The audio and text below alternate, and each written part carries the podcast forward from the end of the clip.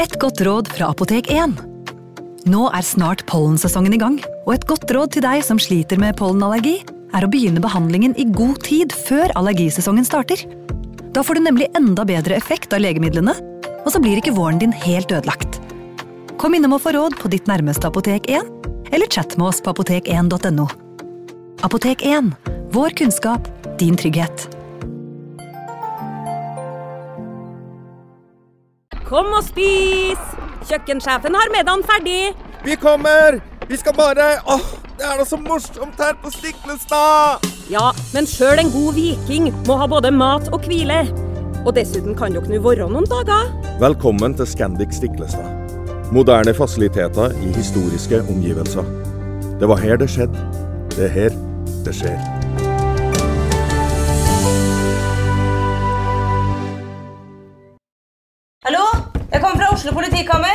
Ine Jansen er purk. Er du purk? The motherfucking bitch. Alt jeg vil, er å finne ut hva som skjedde med mannen min. Jon Carew. Er jeg sikta for noe? Iben Akeli. Det er du. Ole So, Lars Berrum og Big Daddy Karsten. Hvem sin side er du på, egentlig? Anette Hoff, Tone Danielsen. Kommer du fra Afrika? Jørnis Josef. Nesten kløfta. Trond Espen Seim. Det er synd å si det, men det var feil mann som døde. Purk. Premiere tirsdag på TV2 Play. Advarsel. Historien du nå skal få høre, er basert på virkelige hendelser og inneholder flere grafiske skildringer av vold, drap og tortur. Vi advarer mot sterke inntrykk i deler av episoden.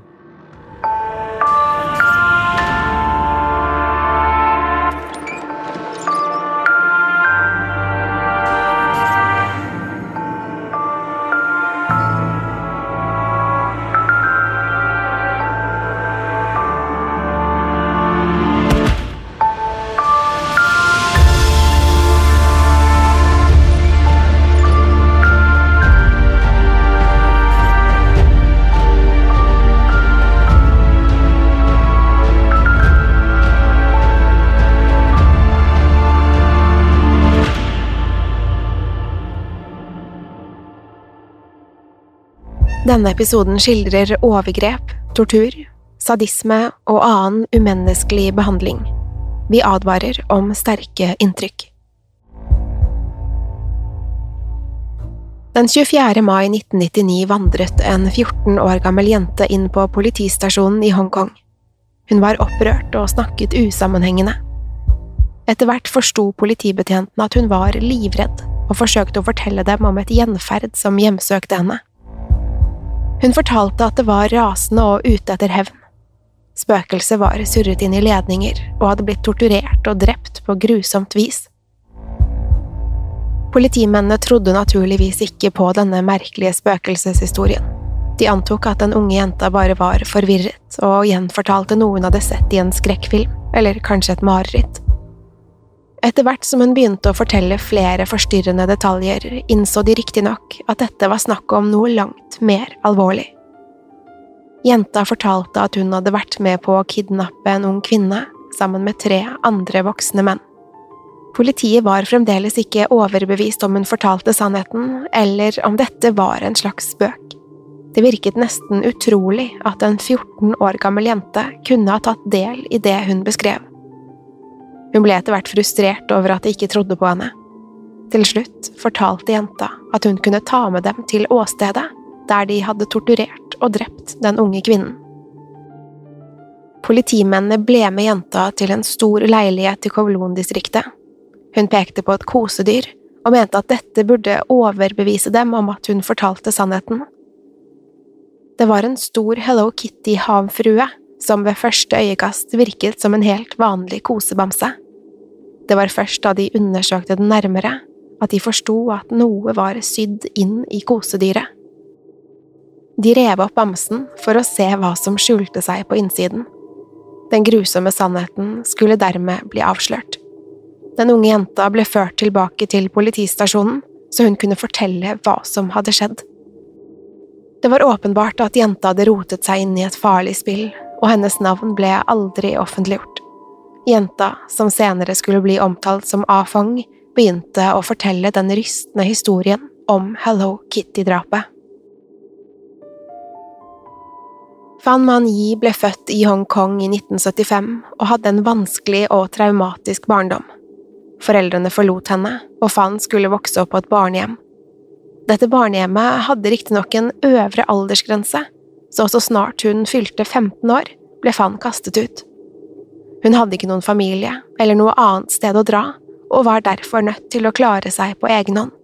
Fan var dermed hjemløs og desperat, og ble snart tvunget til å prostituere seg for å overleve. Hun begynte å ruse seg, noe som raskt utviklet seg til en avhengighet.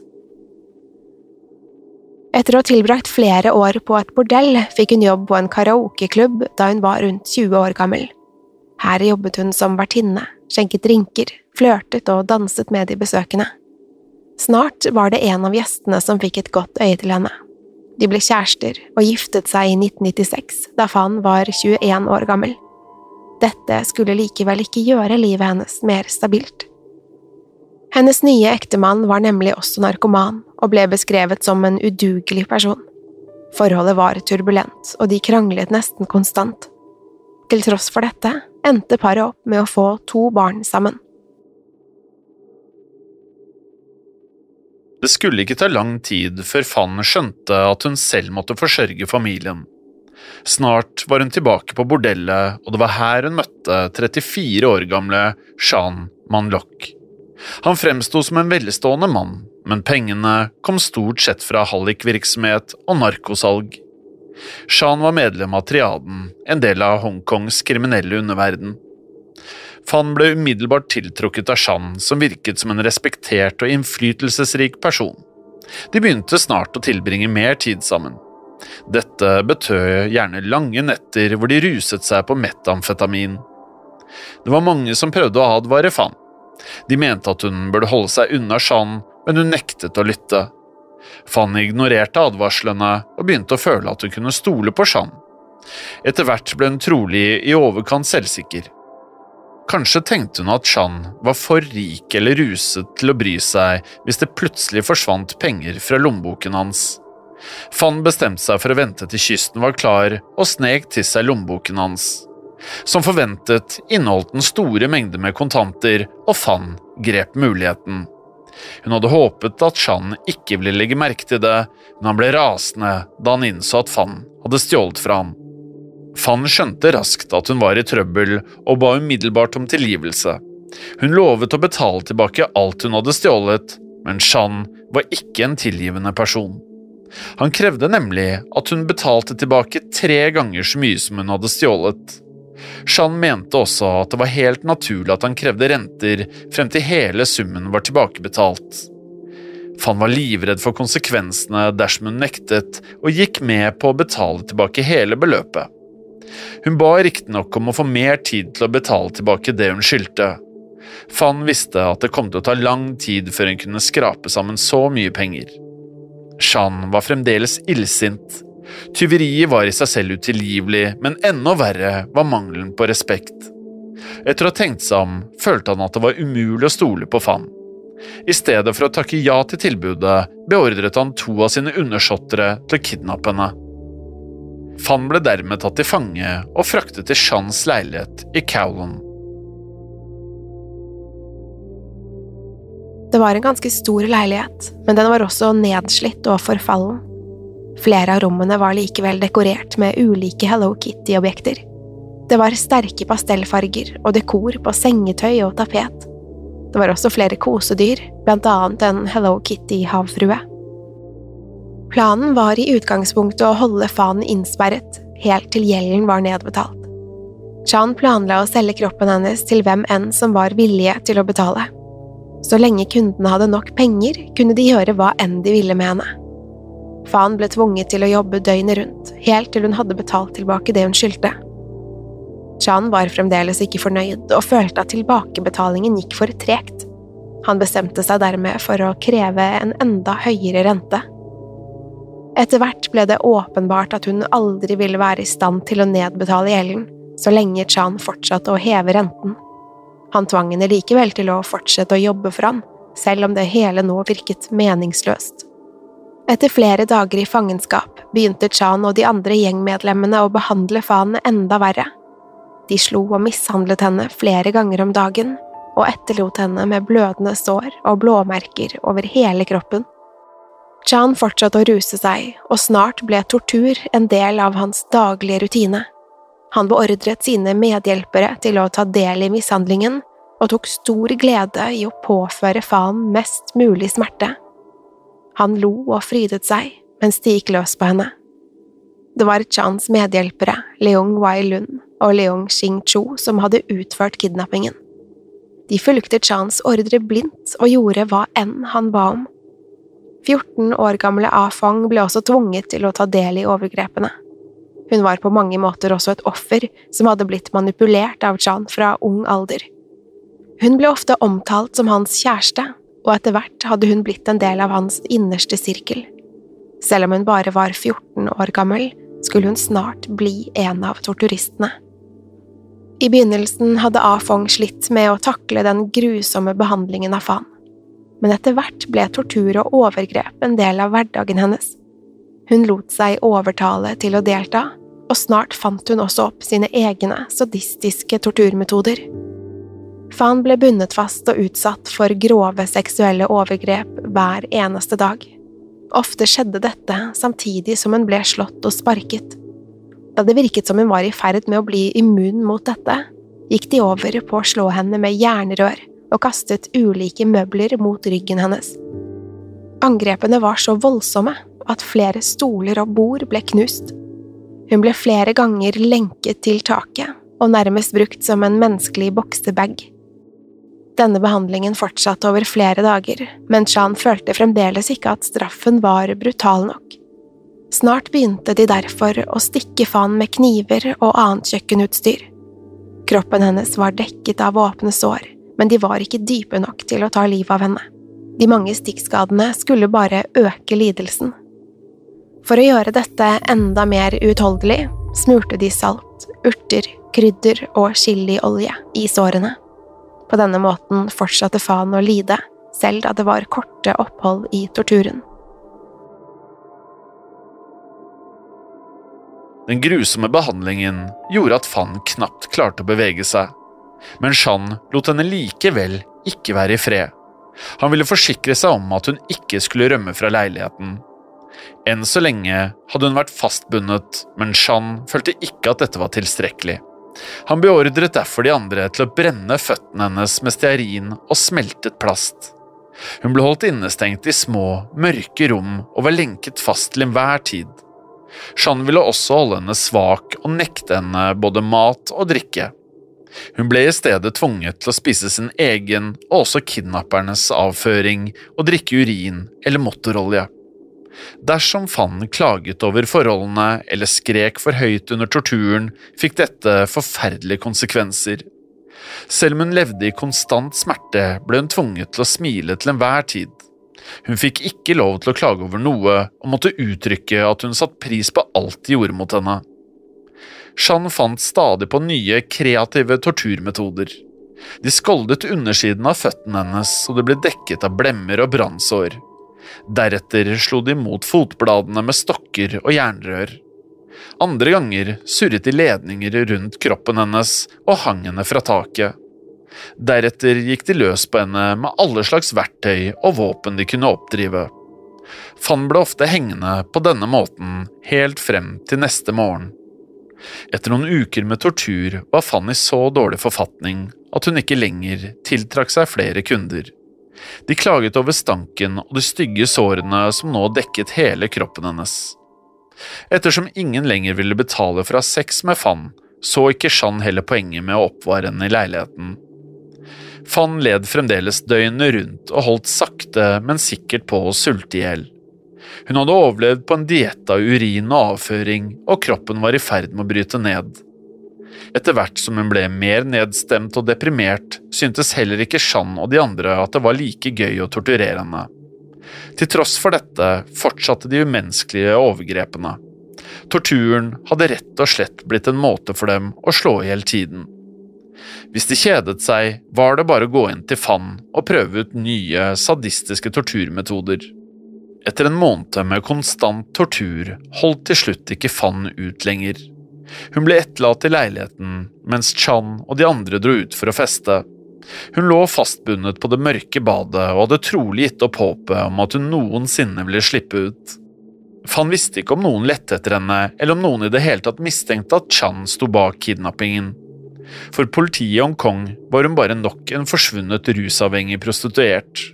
Slike saker havnet gjerne nederst på etterforskernes prioriteringsliste. Fan Ma-yi døde til slutt den 15. april 1999.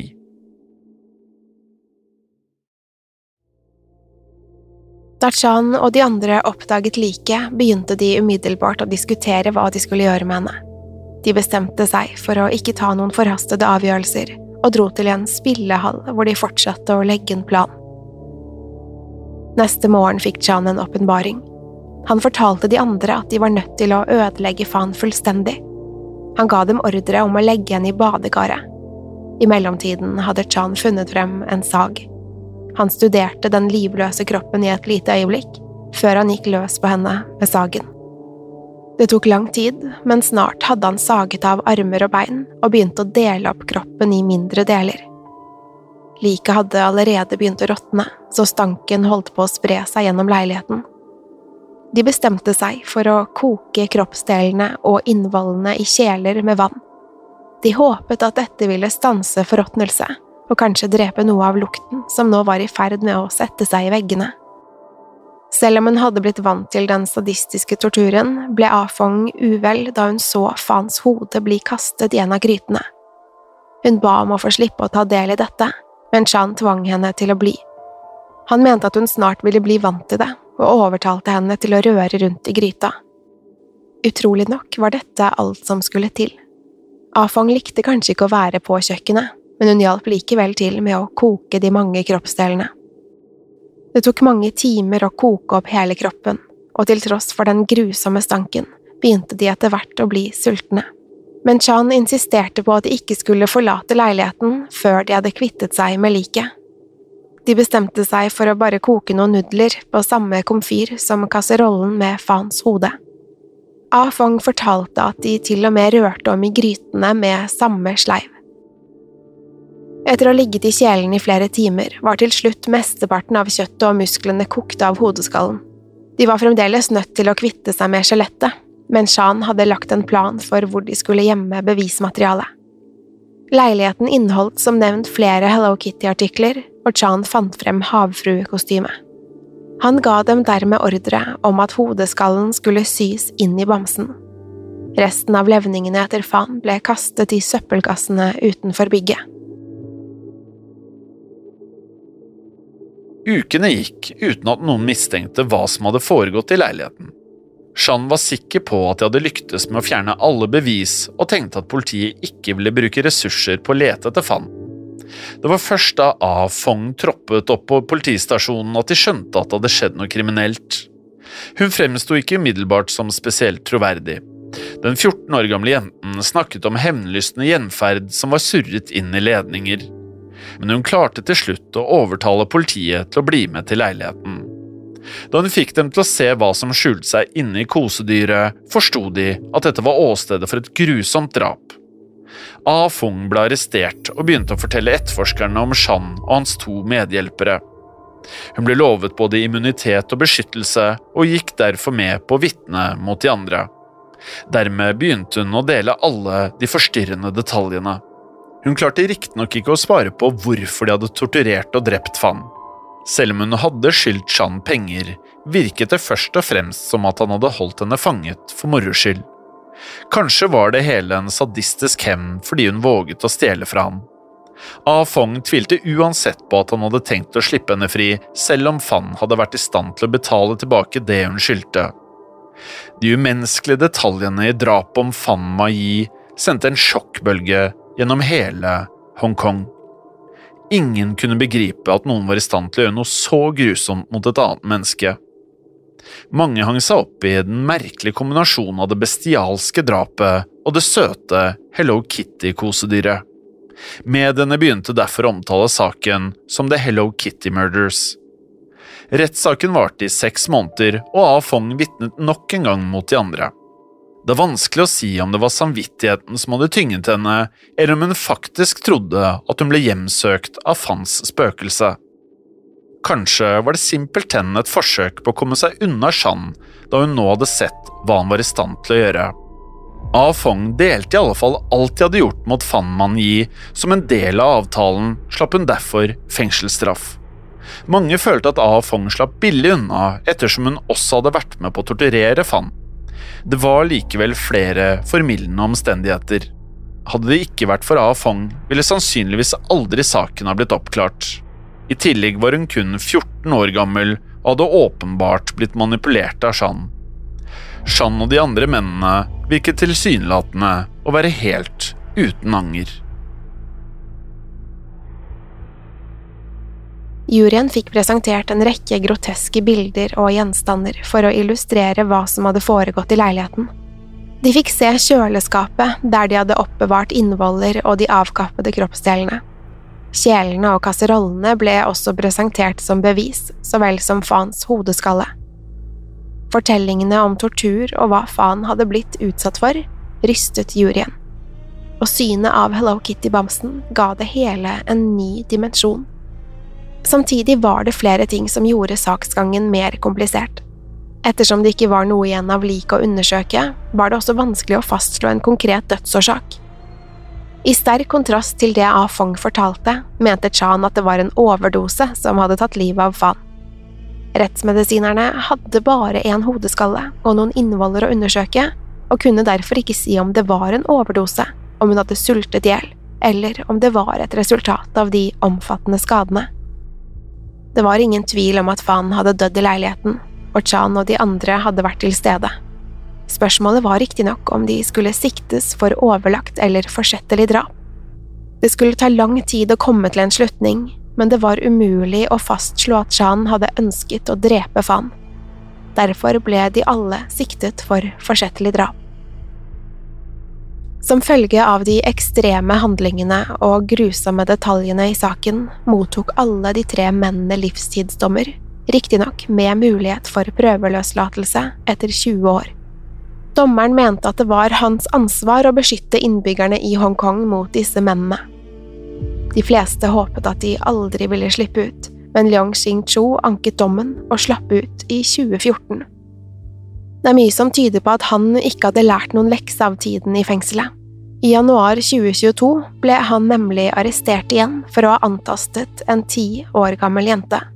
Denne gangen ble han dømt til å sone ett år. A Fong ble plassert i et fosterhjem, men det er uvisst hva som skjedde med henne. Det var Chan Man-luk som ble sett på som det virkelige monsteret i denne saken. Det var han som beordret de andre til å kidnappe, voldta og torturere Fan. Den grusomme behandlingen skulle til slutt koste henne livet, men Chan så likevel ikke ut til å forstå at det han hadde gjort, var noe galt. Selv om Chan fremdeles sitter bak lås og slå, er det mange som frykter at han en dag vil slippe ut. Vi skriver Chan Manluk og hans medhjelpere inn i vår bok av syndere.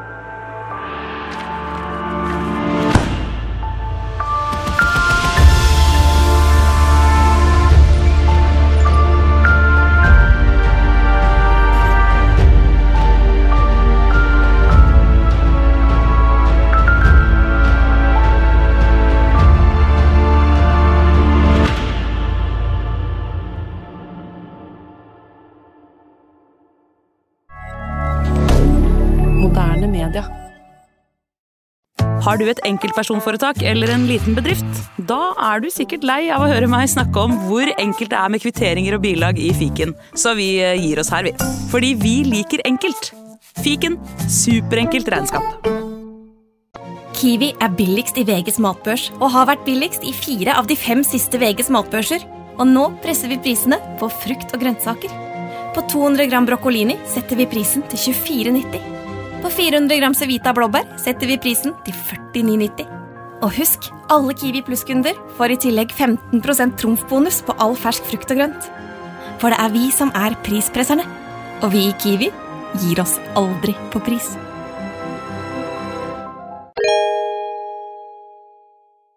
Hei, takk for at du lytter til Synderne. Skulle du ønske at du kunne høre en ny episode av denne podkasten hver eneste uke? Vel, da er det bare å laste ned podkastappen Untold med en gang. I tillegg til ukentlige episoder av podkaster som Skrekkpodden, True Crime-podden og Henrettelsespodden får du masse annet reklamefritt og eksklusivt innhold. Last ned Untold i AppStore eller Google Play, og start din 30 dagers prøveperiode i dag.